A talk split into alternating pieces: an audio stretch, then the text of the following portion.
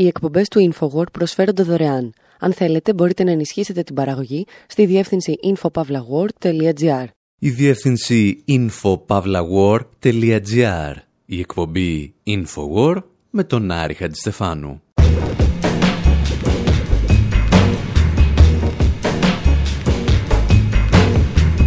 όπου σήμερα παίρνουμε τους δρόμους και κυρίως τους αυτοκινητόδρομους. Ταξιδεύουμε από το Route 66, δηλαδή τη Δημοσιά 66, μέχρι τη Δημόσια Εγνατία Οδό, με μια μικρή στάση στην θρηλυκή Α555 της Γερμανίας.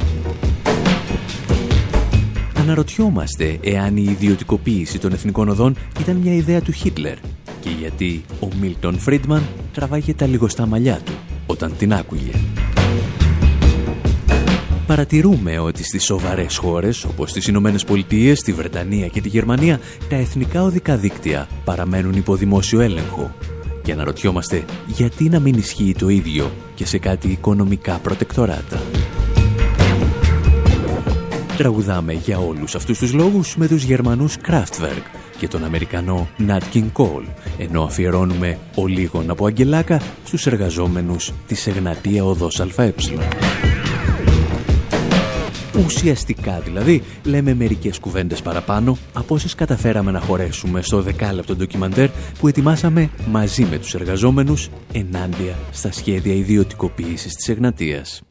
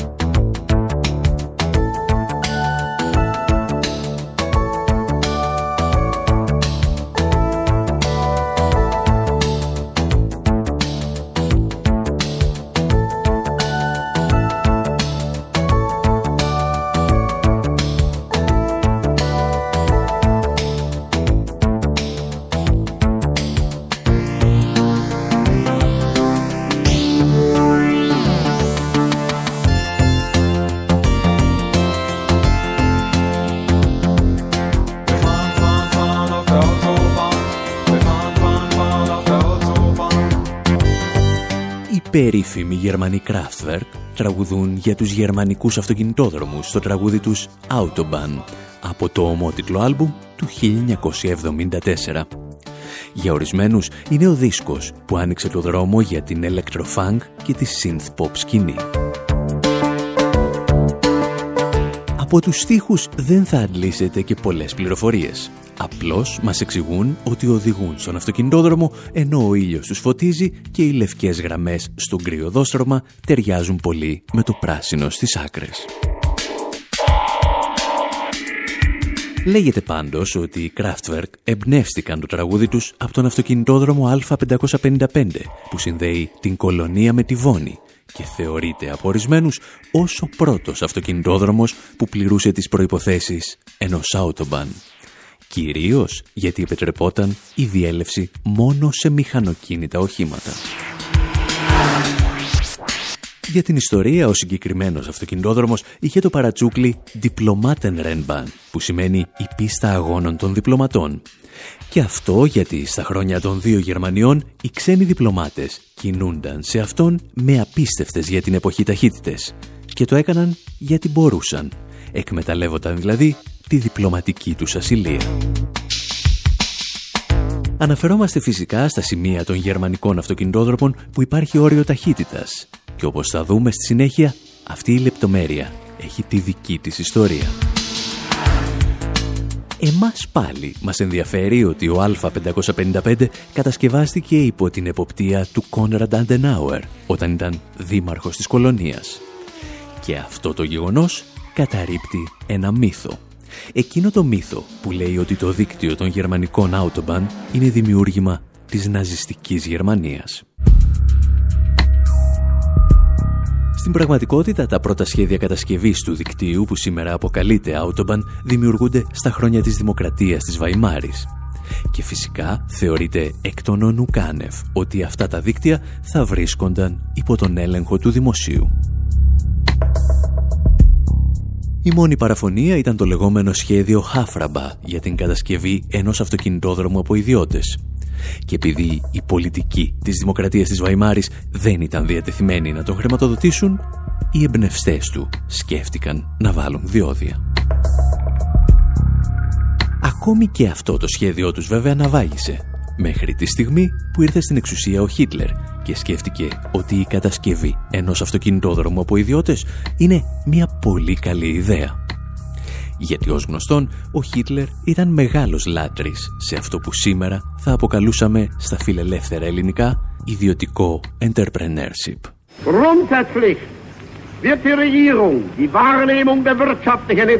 Η κυβέρνησή μας θα προστατεύσει τα συμφέροντα του λαού όχι με την κρατική γραφειοκρατία, αλλά με την υποστήριξη της ιδιωτικής πρωτοβουλίας.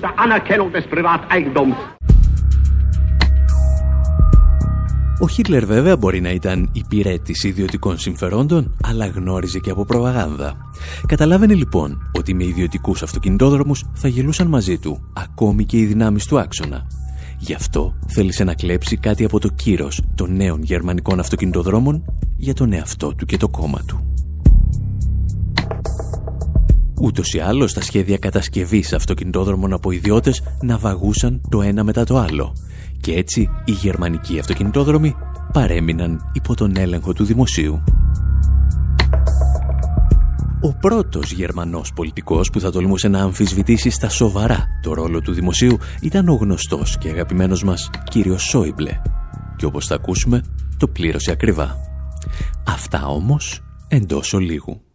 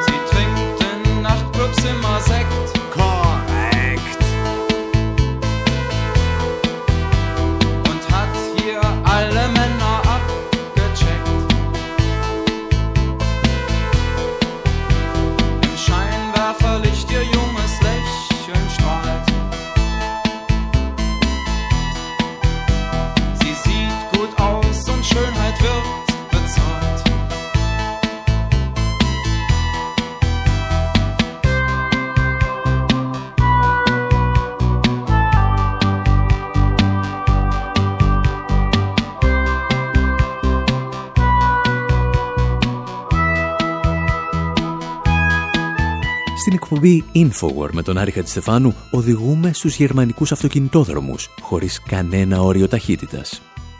Μια ρύθμιση η οποία παρεπιπτόντος για πολλούς Γερμανούς είναι συνδεδεμένη με την ελευθερία. Την ελευθερία από περιορισμούς που έπρεπε να απολαμβάνει κάθε πολίτης μετά την ήττα του ναζισμού. Για την ιστορία, η μοναδική στιγμή που κάποιος σκέφτηκε να επιβάλλει όριο ταχύτητας ήταν στα χρόνια της πετρελαϊκής κρίσης της δεκαετίας του 70.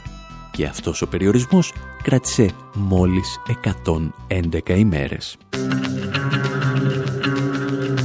Οι Γερμανοί λοιπόν δηλώνουν υπερήφανοι για το δίκτυο αυτοκινητοδρόμων το οποίο ελέγχεται απευθείας από την Ομοσπονδιακή Κυβέρνηση. Και όπως είπαμε, ο μόνος που θέλησε να τους τη σπάσει ήταν ο Σόιμπλε. Όπως αποκάλυψε το 2016 το περιοδικό Spiegel, ο Σόιμπλε ήθελε να περάσει το 49,9% της κατασκευής και διαχείρισης των αυτοκινητόδρομων σε ιδιώτες. Ουσιαστικά, το σχέδιό του αποτελούσε μία ακόμη ΣΔΙΤ, μια σύμπραξη ιδιωτικού και δημόσιου τομέα. Und jetzt zu einem der größten Vorhaben dieser Bundesregierung, die Privatisierung der deutschen Autobahnen. Μόλις η πληροφορία έφτασε στα γερμανικά μέσα ενημέρωσης, η αντίδραση ήταν οργισμένη από το σύνολο των πολιτικών κομμάτων. und einer erneuten großflächigen Privatisierung öffentlicher Aufgaben der Weg bereitet. Und ich muss sagen, οι πρώτες αντιδράσεις ήρθαν όπως ήταν αναμενόμενο από κόμματα της αριστεράς, όπως το Ντιλίνκε. Σύντομα όμως πέρασαν και στο εσωτερικό του μεγάλου συνασπισμού και έφτασαν στην καρδιά του κόμματος του Σόιμπλε. Και όπως ήταν αναμενόμενο, ο τότε Υπουργός Οικονομικών τα μάζεψε άρον-άρον οι γερμανικοί αυτοκινητόδρομοι, μία από τις πιο επιτυχημένες υποδομές μεταφορών που έχουν υπάρξει στην ανθρώπινη ιστορία, θα παραμείνουν υπό τον αποκλειστικό έλεγχο του δημοσίου. Γιατί πολύ απλά αυτό κάνουν εδώ και περίπου έναν αιώνα οι ισχυρότερες και πιο επιτυχημένες οικονομίες του πλανήτη. Και για να καταλάβετε τι εννοούμε, θα πρέπει να περάσουμε στην απέναντι πλευρά του Ατλαντικού και να ακούσουμε τις ιστορίες των Αμερικανικών αυτοκινητόδρομων.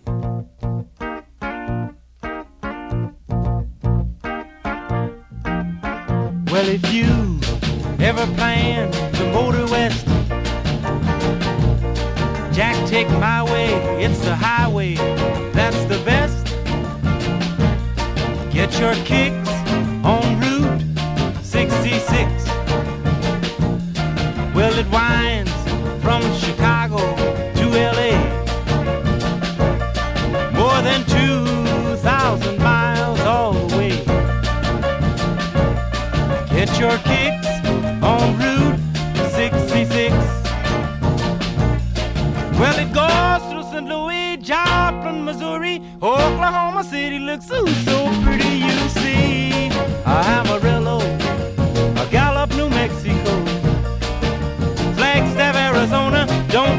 Winona, Kingsman, Barstow, San Bernardino. Won't you get hip to this kindly tip and take that California trip?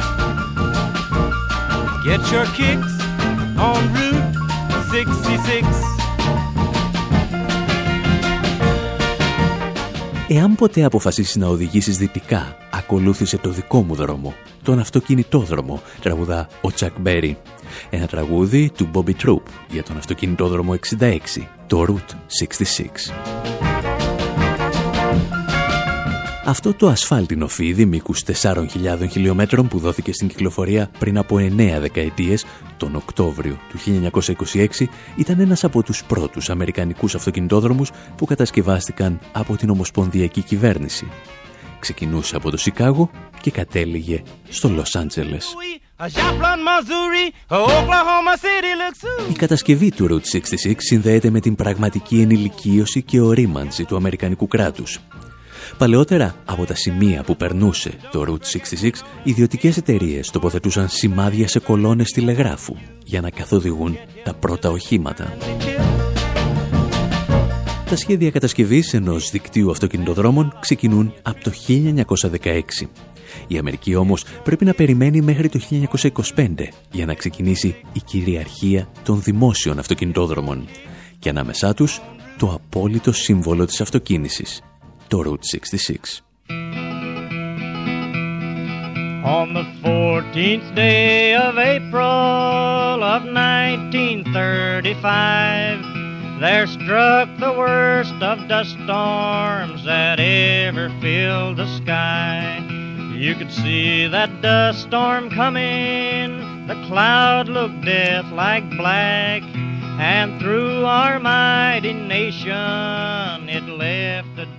Ο Route 66 θα γίνει για δεκαετίες συνώνυμο της αμερικανικής ανάπτυξης αλλά και των μεγάλων καπιταλιστικών κρίσεων. Όταν το 1935 ένα κολοσσιαίο σύννεφος σκόνης καλύπτει τεράστιες εκτάσεις στις κεντρικές Ηνωμένες Πολιτείες, το Route 66 μετατρέπεται στη βασική οδό διαφυγής για χιλιάδες εσωτερικούς μετανάστες. Είναι οι περίφημοι Okies, για τους οποίους ο Στάιμπεκ θα γράψει τα σταφύλια της οργής και ο Woody Guthrie θα τραγουδήσει τα Dust Bowl Blues. We listened with alarm The wild and windy actions of this great mysterious storm From Albuquerque and Clovis and all New Mexico They said it was the blackest that ever they had saw. From old Dodge City, Kansas, the dust had rung their knell, and a few more comrades sleeping on top of old Boot Hill.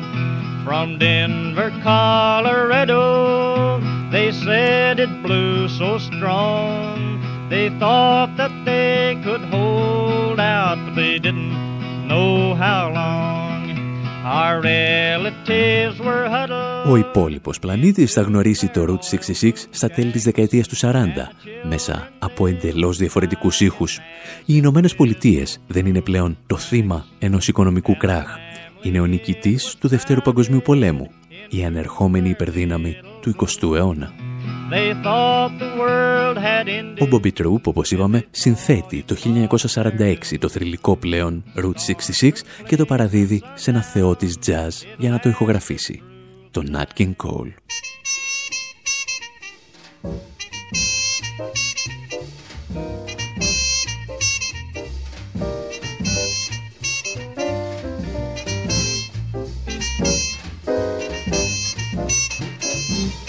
If you ever plan to motor west, travel my way, take the highway, that's the best. Get your kicks on Route 66. It winds from Chicago to LA, more than 2,000 miles all the way. I get your kicks on Route 66. Now you go through St. Louis, Joplin, Missouri, and Oklahoma City looks mighty pretty. You'll see Amarillo, Gallup, New Mexico, Flagstaff, Arizona. Don't forget Winona, Kingman, Boston, San Bernardino. Aren't you get hip to this timely tip when you make that California trip. I get your kicks on Route 66. Οι στίχοι των τραγουδιών για τους αυτοκινητόδρομους δεν μιλούν πλέον για τους εσωτερικούς μετανάστες, αλλά για το αμερικανικό όνειρο. Άλλωστε από τη δεκαετία του 50 και κυρίως τη δεκαετία του 60, πάνω σε αυτό το δρόμο δεν κινούνται πια τα καραβάνια των μεταναστών, αλλά τα καραβάνια που δημιουργεί ο μαζικός τουρισμός. Φυσικά το Route 66 δεν υπάρχει σήμερα. Τα πρώτα σημάδια του τέλους ήρθαν στο απόγειο της δόξας του. Μετά το Δεύτερο Παγκόσμιο Πόλεμο, ο πρόεδρος Άιζενχάουερ υπογράφει την νομοθετική πράξη για τους Αμερικανικούς αυτοκινητόδρομους, που θα σημάνει τον σταδιακό του θάνατο. Ο στρατηγός έχει επιστρέψει από το Δεύτερο Παγκόσμιο Πόλεμο. Στην Ευρώπη έχει θαυμάσει τα γερμανικά Autobahn, αυτοκινητόδρομους που σου επέτρεπαν να διασχίσεις μία χώρα χωρίς καμία στάση σε ενδιάμεσες πόλεις. Ακόμη όμως και χωρίς το Route 66, το αμερικανικό δίκτυο αυτοκινητοδρόμων έχει πλέον ενηλικιωθεί. Και όπως θα δούμε στο δεύτερο μέρος της εκπομπής, κανένας δεν τολμά να αμφισβητήσει το δημόσιο χαρακτήρα του. Ιστορίες που σας διηγούμαστε με αφορμή το μίνι ντοκιμαντέρ που παρουσίασαν αυτή την εβδομάδα οι εργαζόμενοι στην Εγνατία Οδό ΑΕ. Ένα ντοκιμαντέρ το οποίο μπορείτε να παρακολουθήσετε και στο site μας info.pavlawar.gr Ένα ντοκιμαντέρ για το οποίο βάλαμε και εμείς το χεράκι μας.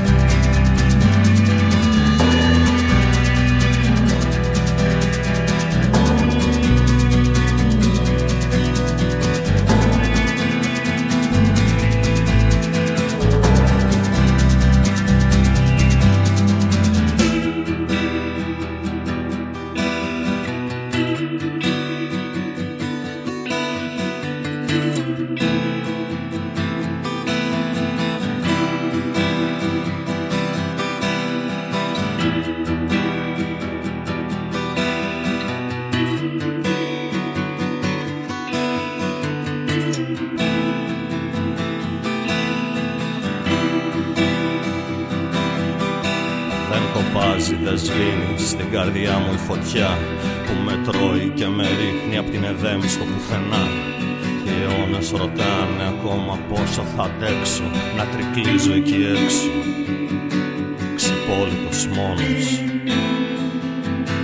Και εγώ ψιθυρίζω δικιά μου η χαρά Δικό μου το αίμα, δικός μου κι ο τρόμος. Δεν είμαι μόνος, δεν είμαι μόνος Όλα είναι δρόμος Όλα είναι δρόμος Δεν είμαι μόνος Δεν είμαι ο μόνος. Όλα είναι δρόμος Όλα είναι δρόμος Φωτιά η γιορτή Η απώλεια ο πόνος. Ο κάθε μικρός θάνατος και μεγάλος Ο ατέλειωτος κόσμος. Όλα είναι δρόμος Όλα είναι δρόμος Όλα είναι δρόμος Όλα είναι δρόμος Όλα είναι δρόμος Όλα είναι δρόμος όλα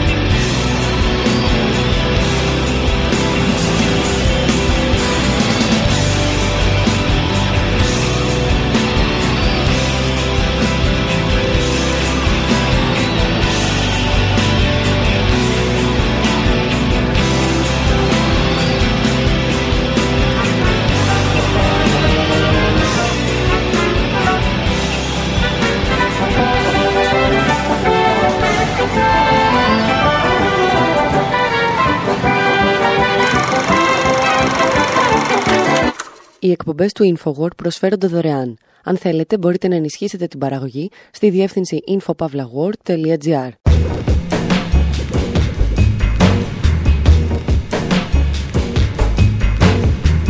Εκπομπή InfoWord, μέρος δεύτερο όπου έχουμε ξεχυθεί στους αυτοκινητόδρομους της Ευρώπης και της Αμερικής με αφορμή το ντοκιμαντέρ που ετοιμάσαμε μαζί με το Σύλλογο Εργαζομένων στην Εγνατία Οδό ΑΕ, ενάντια στα σχέδια ιδιωτικοποίησής της.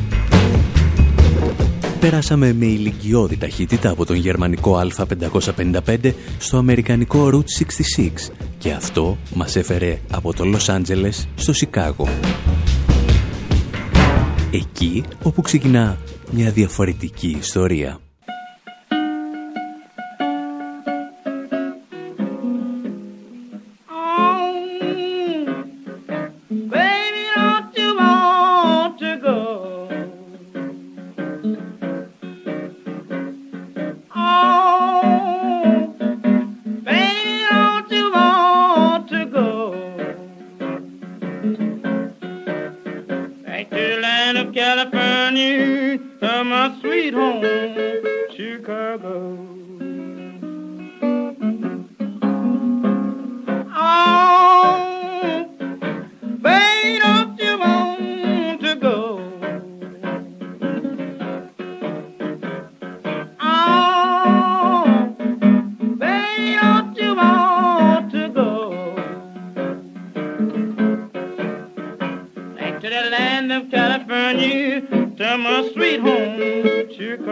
Now one and one is two.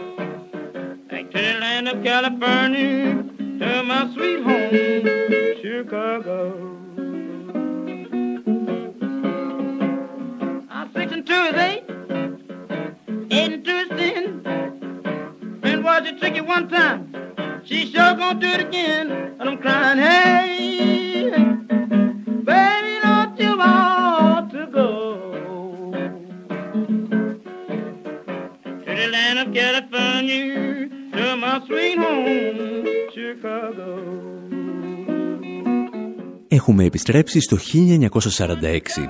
Το Σικάγο ακούει ακόμη τα blues. Ακούει τραγούδια όπως το Sweet Home Chicago. Εδώ στην αυθεντική εκτέλεση του Ρόμπερτ Τζόνσον. Το Sweet Home Chicago έχει γραφτεί 10 χρόνια νωρίτερα. Περιγράφει τη ζωή στα χρόνια της Μεγάλης Ήφεσης του 1930. Το τραγούδι γράφεται όταν μπαίνει για πρώτη φορά σε εφαρμογή το περίφημο New Deal, το κράτος πρόνοιας που δημιούργησε αυτός εδώ κύριος, ο πρόεδρος Ρούσβελτ.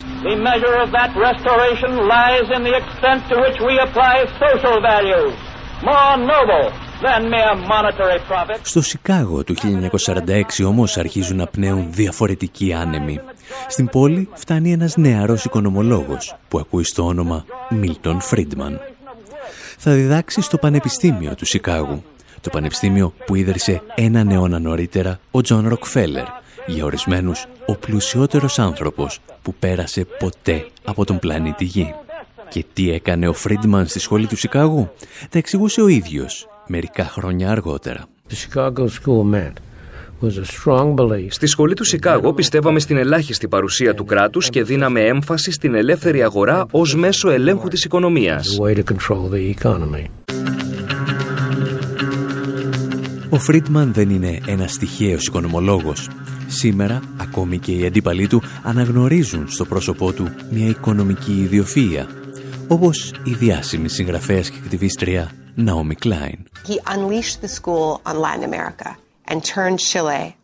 Ο Φρίντμαν ανέθεσε στη Σχολή Λατινικής Αμερικής να μετατρέψει τη χειλή του Πινοσέτ σε ένα πειραματικό εργαστήριο των ριζοσπαστικών ιδεών του. Ιδέες οι οποίες δεν ήταν συμβατές με τη δημοκρατία στις Ηνωμένες Πολιτείες, αλλά θα μπορούσαν να πάρουν σάρκα και οστά σε μια δικτατορία της Λατινικής Αμερικής.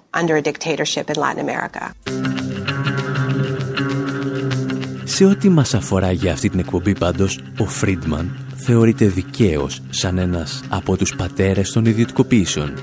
Ήταν από τους ανθρώπους που αν τον πίεζες λιγάκι θα σου έλεγε ότι ακόμη και ο αέρας και το νερό θα πρέπει να περάσουν στα χέρια ιδιωτών. Όσο και αν τον πίεζες όμως, υπήρχε ένα δημόσιο αγαθό που πίστευε ότι θα πρέπει να μείνει για πάντα δημόσιο αγαθό. Η κατασκευή και η λειτουργία των αυτοκινητόδρομων.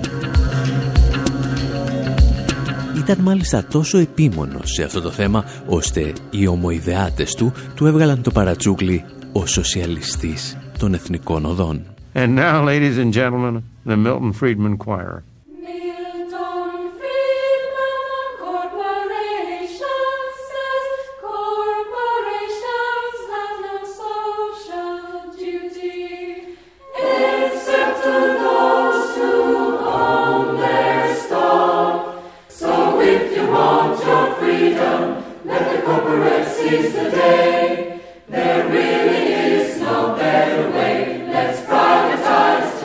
Πολυτραγουδισμένος Μίλτον Φρίντμαν λοιπόν θα πείσει τους μαθητές του ότι οι αυτοκινητόδρομοι ανήκουν στο δημόσιο τομέα. Ακόμη και ο Ρόναλ Ρίγκαν και η Μάργαρετ Θάτσερ που ξεπουλούσαν ό,τι έβλεπε το μάτι τους δεν θα τολμήσουν να πειράξουν τα εθνικά οδικά δίκτυα. Όπως πάντα όμως υπάρχουν οι βασιλικότεροι του βασιλέως και οι πιο νεοφιλελεύθεροι και από τον πατέρα του νεοφιλελευθερισμού. Αυτά όμως θα τα συζητήσουμε σε λιγουλάκι.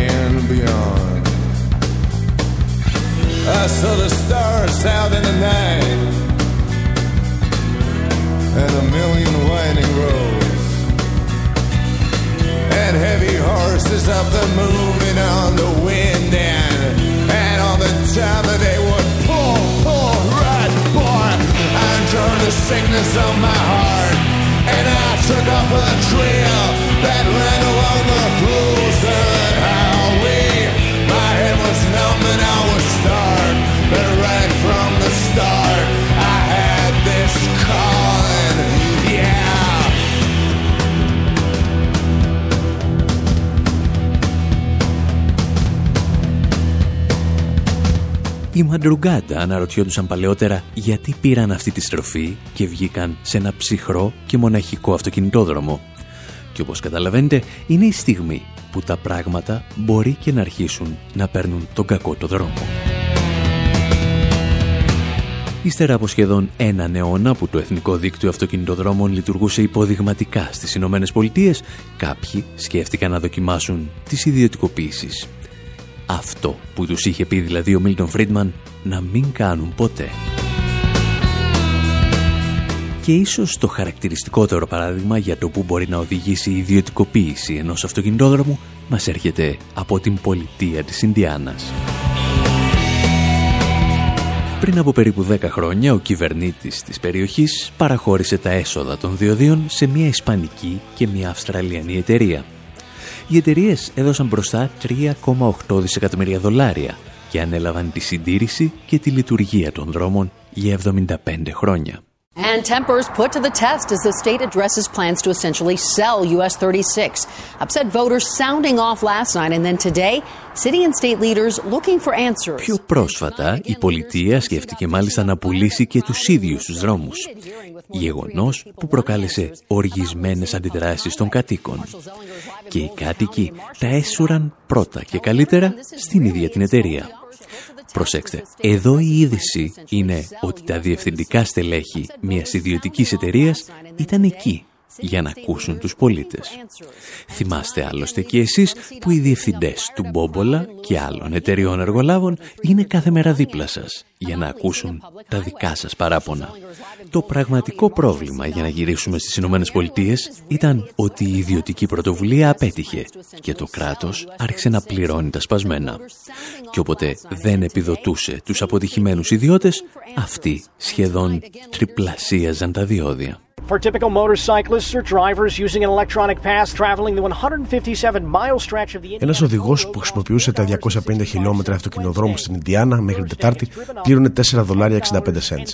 Από αυτή την Πέμπτη πληρώνει 10 δολάρια και 52 cents. Και αυτό γιατί η κυβέρνηση σταμάτησε να επιδοτεί την ιδιωτική εταιρεία που ελέγχει τα διόδια.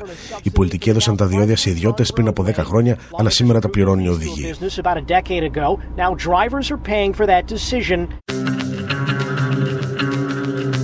Και αν όλα αυτά σας θυμίζουν κάτι από την αποτυχία των Ελλήνων εργολάβων που αναθεωρούν συνεχώς τις συμβάσεις επιβαρύνοντας τους Έλληνες φορολογούμενους ενώ παράλληλα διπλασιάζουν τα διόδια, να σας πούμε ότι ακόμη δεν έχουμε φτάσει στο καλύτερο.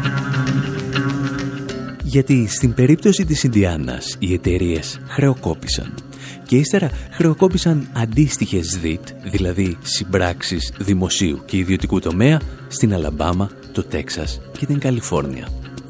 Και αν σκεφτεί κανείς ότι οι συγκεκριμένες συμπράξεις ελέγχουν μόνο το 1% του αμερικανικού δικτύου αυτοκινητοδρόμων, καταλαβαίνει ότι χρεοκόπησαν πολλές. Πώς απάντησαν οι Αμερικανοί πρόεδροι και ιδίως ο Τραμπ σε αυτή την κατάσταση, πρότειναν ακόμη περισσότερες από τις ίδιες ΔΙΤ που είχαν μόλις αποτύχει. Ο καθηγητής δημόσιας διοίκησης στο Πανεπιστήμιο του Μπέρκλεϊ, Ρόμπερτ Ράιχ, εξηγούσε πριν από μερικούς μήνες τι περιμένει τους Αμερικανούς φορολογούμενους με τις νέες δίτ του Τραμπ. Our country is in dire need of massive investments in infrastructure. But what Donald Trump is proposing is nothing more than a huge tax giveaway for the rich. Η χώρα μας χρειάζεται άμεσα μεγάλες επενδύσεις υποδομής. Αυτό που προτείνει ο Τραμπ όμως είναι να προσφέρουμε τους φόρους μας στους πλούσιους. Πρώτον, αντί να φορολογεί τους πλούσιους και να χρησιμοποιεί τα χρήματα για να φτιάχνει γέφυρες και δρόμους, θέλει να τους δώσει φορολογικά κίνητρα για να αναλάβουν τα δημόσια έργα. Για κάθε δολάριο που βάζουν σε ένα έργο πληρώνουν μόνο 18 cents. Τα άλλα 82 τα βάζουμε εμείς. Δεύτερον, αν δώσουμε τους δημόσιους δρόμους και τις γέφυρες σε ιδιώτες, θα πληρώνουμε ιδιαίτερα ακριβά διόδια. Γιατί μόνο έτσι θα ικανοποιούνται οι εργολάβοι και επενδυτές στη Wall Street. Έτσι λοιπόν πληρώνουμε για τα έργα δύο φορές. Την πρώτη όταν επιδοτούμε τους εργολάβους και δεύτερον όταν πληρώνουμε τα διόδια που επίσης πηγαίνουν στις τσέπες τους.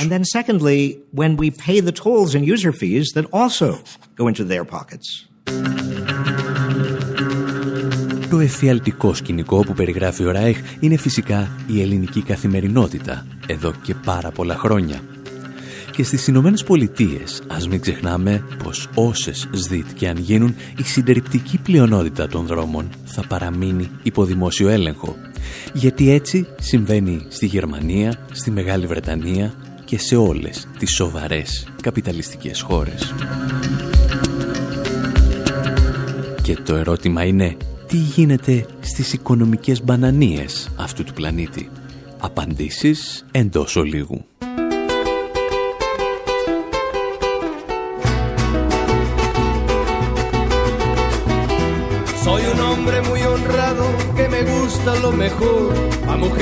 No me falta ni el dinero ni el amor. Jineteando en mi caballo por la sierra yo me voy. Las estrellas y la luna ellas me dicen dónde voy. Ay, ay, ay, ay, ay, ay, mi amor. Ay, mi morena de mi corazón.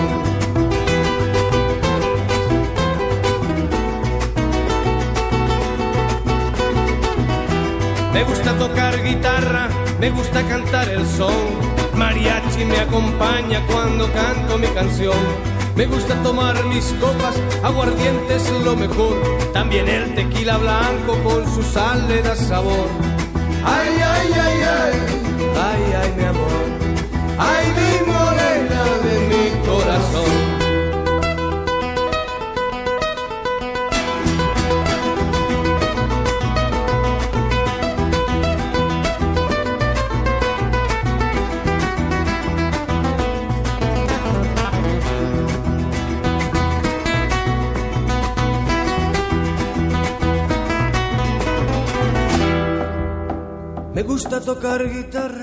Στην εκπομπή Infowar με τον Άρη Χατζηστεφάνου διηγούμαστε αποτυχημένες ιστορίες ιδιωτικοποιήσεων εθνικών οδών. Βρισκόμαστε στην Αμερική και ίσως να γνωρίζετε ότι οι περισσότερες από τις χώρες της Νότιας Αμερικής έχουν να διηγηθούν καταστροφικές ιστορίες από τις ιδιωτικοποιήσεις τους. Όσες ακολούθησαν τις εντολές του Διεθνούς Νομισματικού Ταμείου γνώρισαν ιδιωτικές εταιρείες που λειτουργούσαν σαν τους ληστές του μεσαίωνα στα διόδια. Καμία ιδιωτικοποίηση όμως δεν απέτυχε με τόσο πάταγο όσο αυτή του Μεξικού. Από το 1997, διαδοχικές κυβερνήσεις άρχισαν να ιδιωτικοποιούν το εθνικό οδικό δίκτυο όπως ακριβώς προέβλεπε η λεγόμενη συνένεση της Ουάσιγκτον. Αυτό δηλαδή που επέβαλε η Ουάσιγκτον στον τρίτο κόσμο, χωρίς φυσικά να το δοκιμάζει στις Ηνωμένες Πολιτείες. Σε ελάχιστο χρονικό διάστημα η χώρα έφτασε να έχει τα υψηλότερα διόδια σε όλο τον κόσμο. Για να διασχίσεις περίπου 20 χιλιόμετρα από την πόλη του Μεξικού έπρεπε να δώσεις 6 δολάρια, που ήταν το διπλάσιο από το μέσο ημερομίσθιο. Σε ορισμένες περιπτώσεις οι εργολάβοι έχτιζαν δρόμους στη μέση του πουθενά για να παίρνουν επιδοτήσεις ή σε άλλες περιπτώσεις έχτιζαν δρόμους εκεί όπου είχαν οικόπεδα στελέχη της κυβέρνησης ώστε να αυξηθεί η αξία της γης. Και όταν λέμε στελέχη της κυβέρνησης εννοούμε ακόμη και την οικογένεια του τότε Προέδρου Ραούλ Σαλίνας. Και τι έκανε η κυβέρνηση όταν οι ιδιώτες εργολάβοι απέτυχαν και οι εταιρείες τους άρχισαν να παρουσιάζουν ζημιές; Πλήρωσε 7,5 δισεκατομμύρια δολάρια για να τις διασώσει. Ανέλαβε δηλαδή τα χρέη τους και εθνικοποίησε δεκάδες τμήματα του εθνικού δικτύου.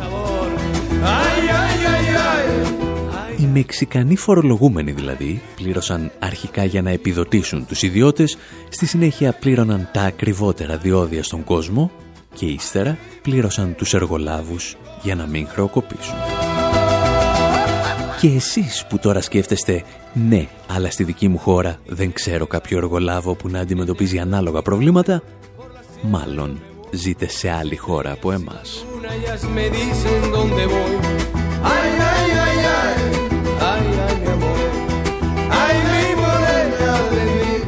Σκέψεις που μοιραζόμαστε μαζί σας με αφορμή την κυκλοφορία ενός μίνι ντοκιμαντέρ που παρουσίασε ο Σύλλογος Εργαζομένων στην Εγνατία Οδό ΑΕ με μια μικρή βοήθεια από εμάς, δηλαδή την Infowar Productions. Θα το βρείτε στη σελίδα μας info.pavlawar.gr και νομίζουμε θα καταλάβετε γιατί τα σχέδια ιδιωτικοποίησης της Εγνατίας αποτελούν ένα έγκλημα για την ιστορία της Ελλάδας. Μέχρι πάντως την επόμενη εβδομάδα, από τον Άρη Χατζηστεφάνου στο μικρόφωνο και τον Δημήτρη Σταθόπουλο στην τεχνική επιμέλεια, γεια σας και χαρά σας.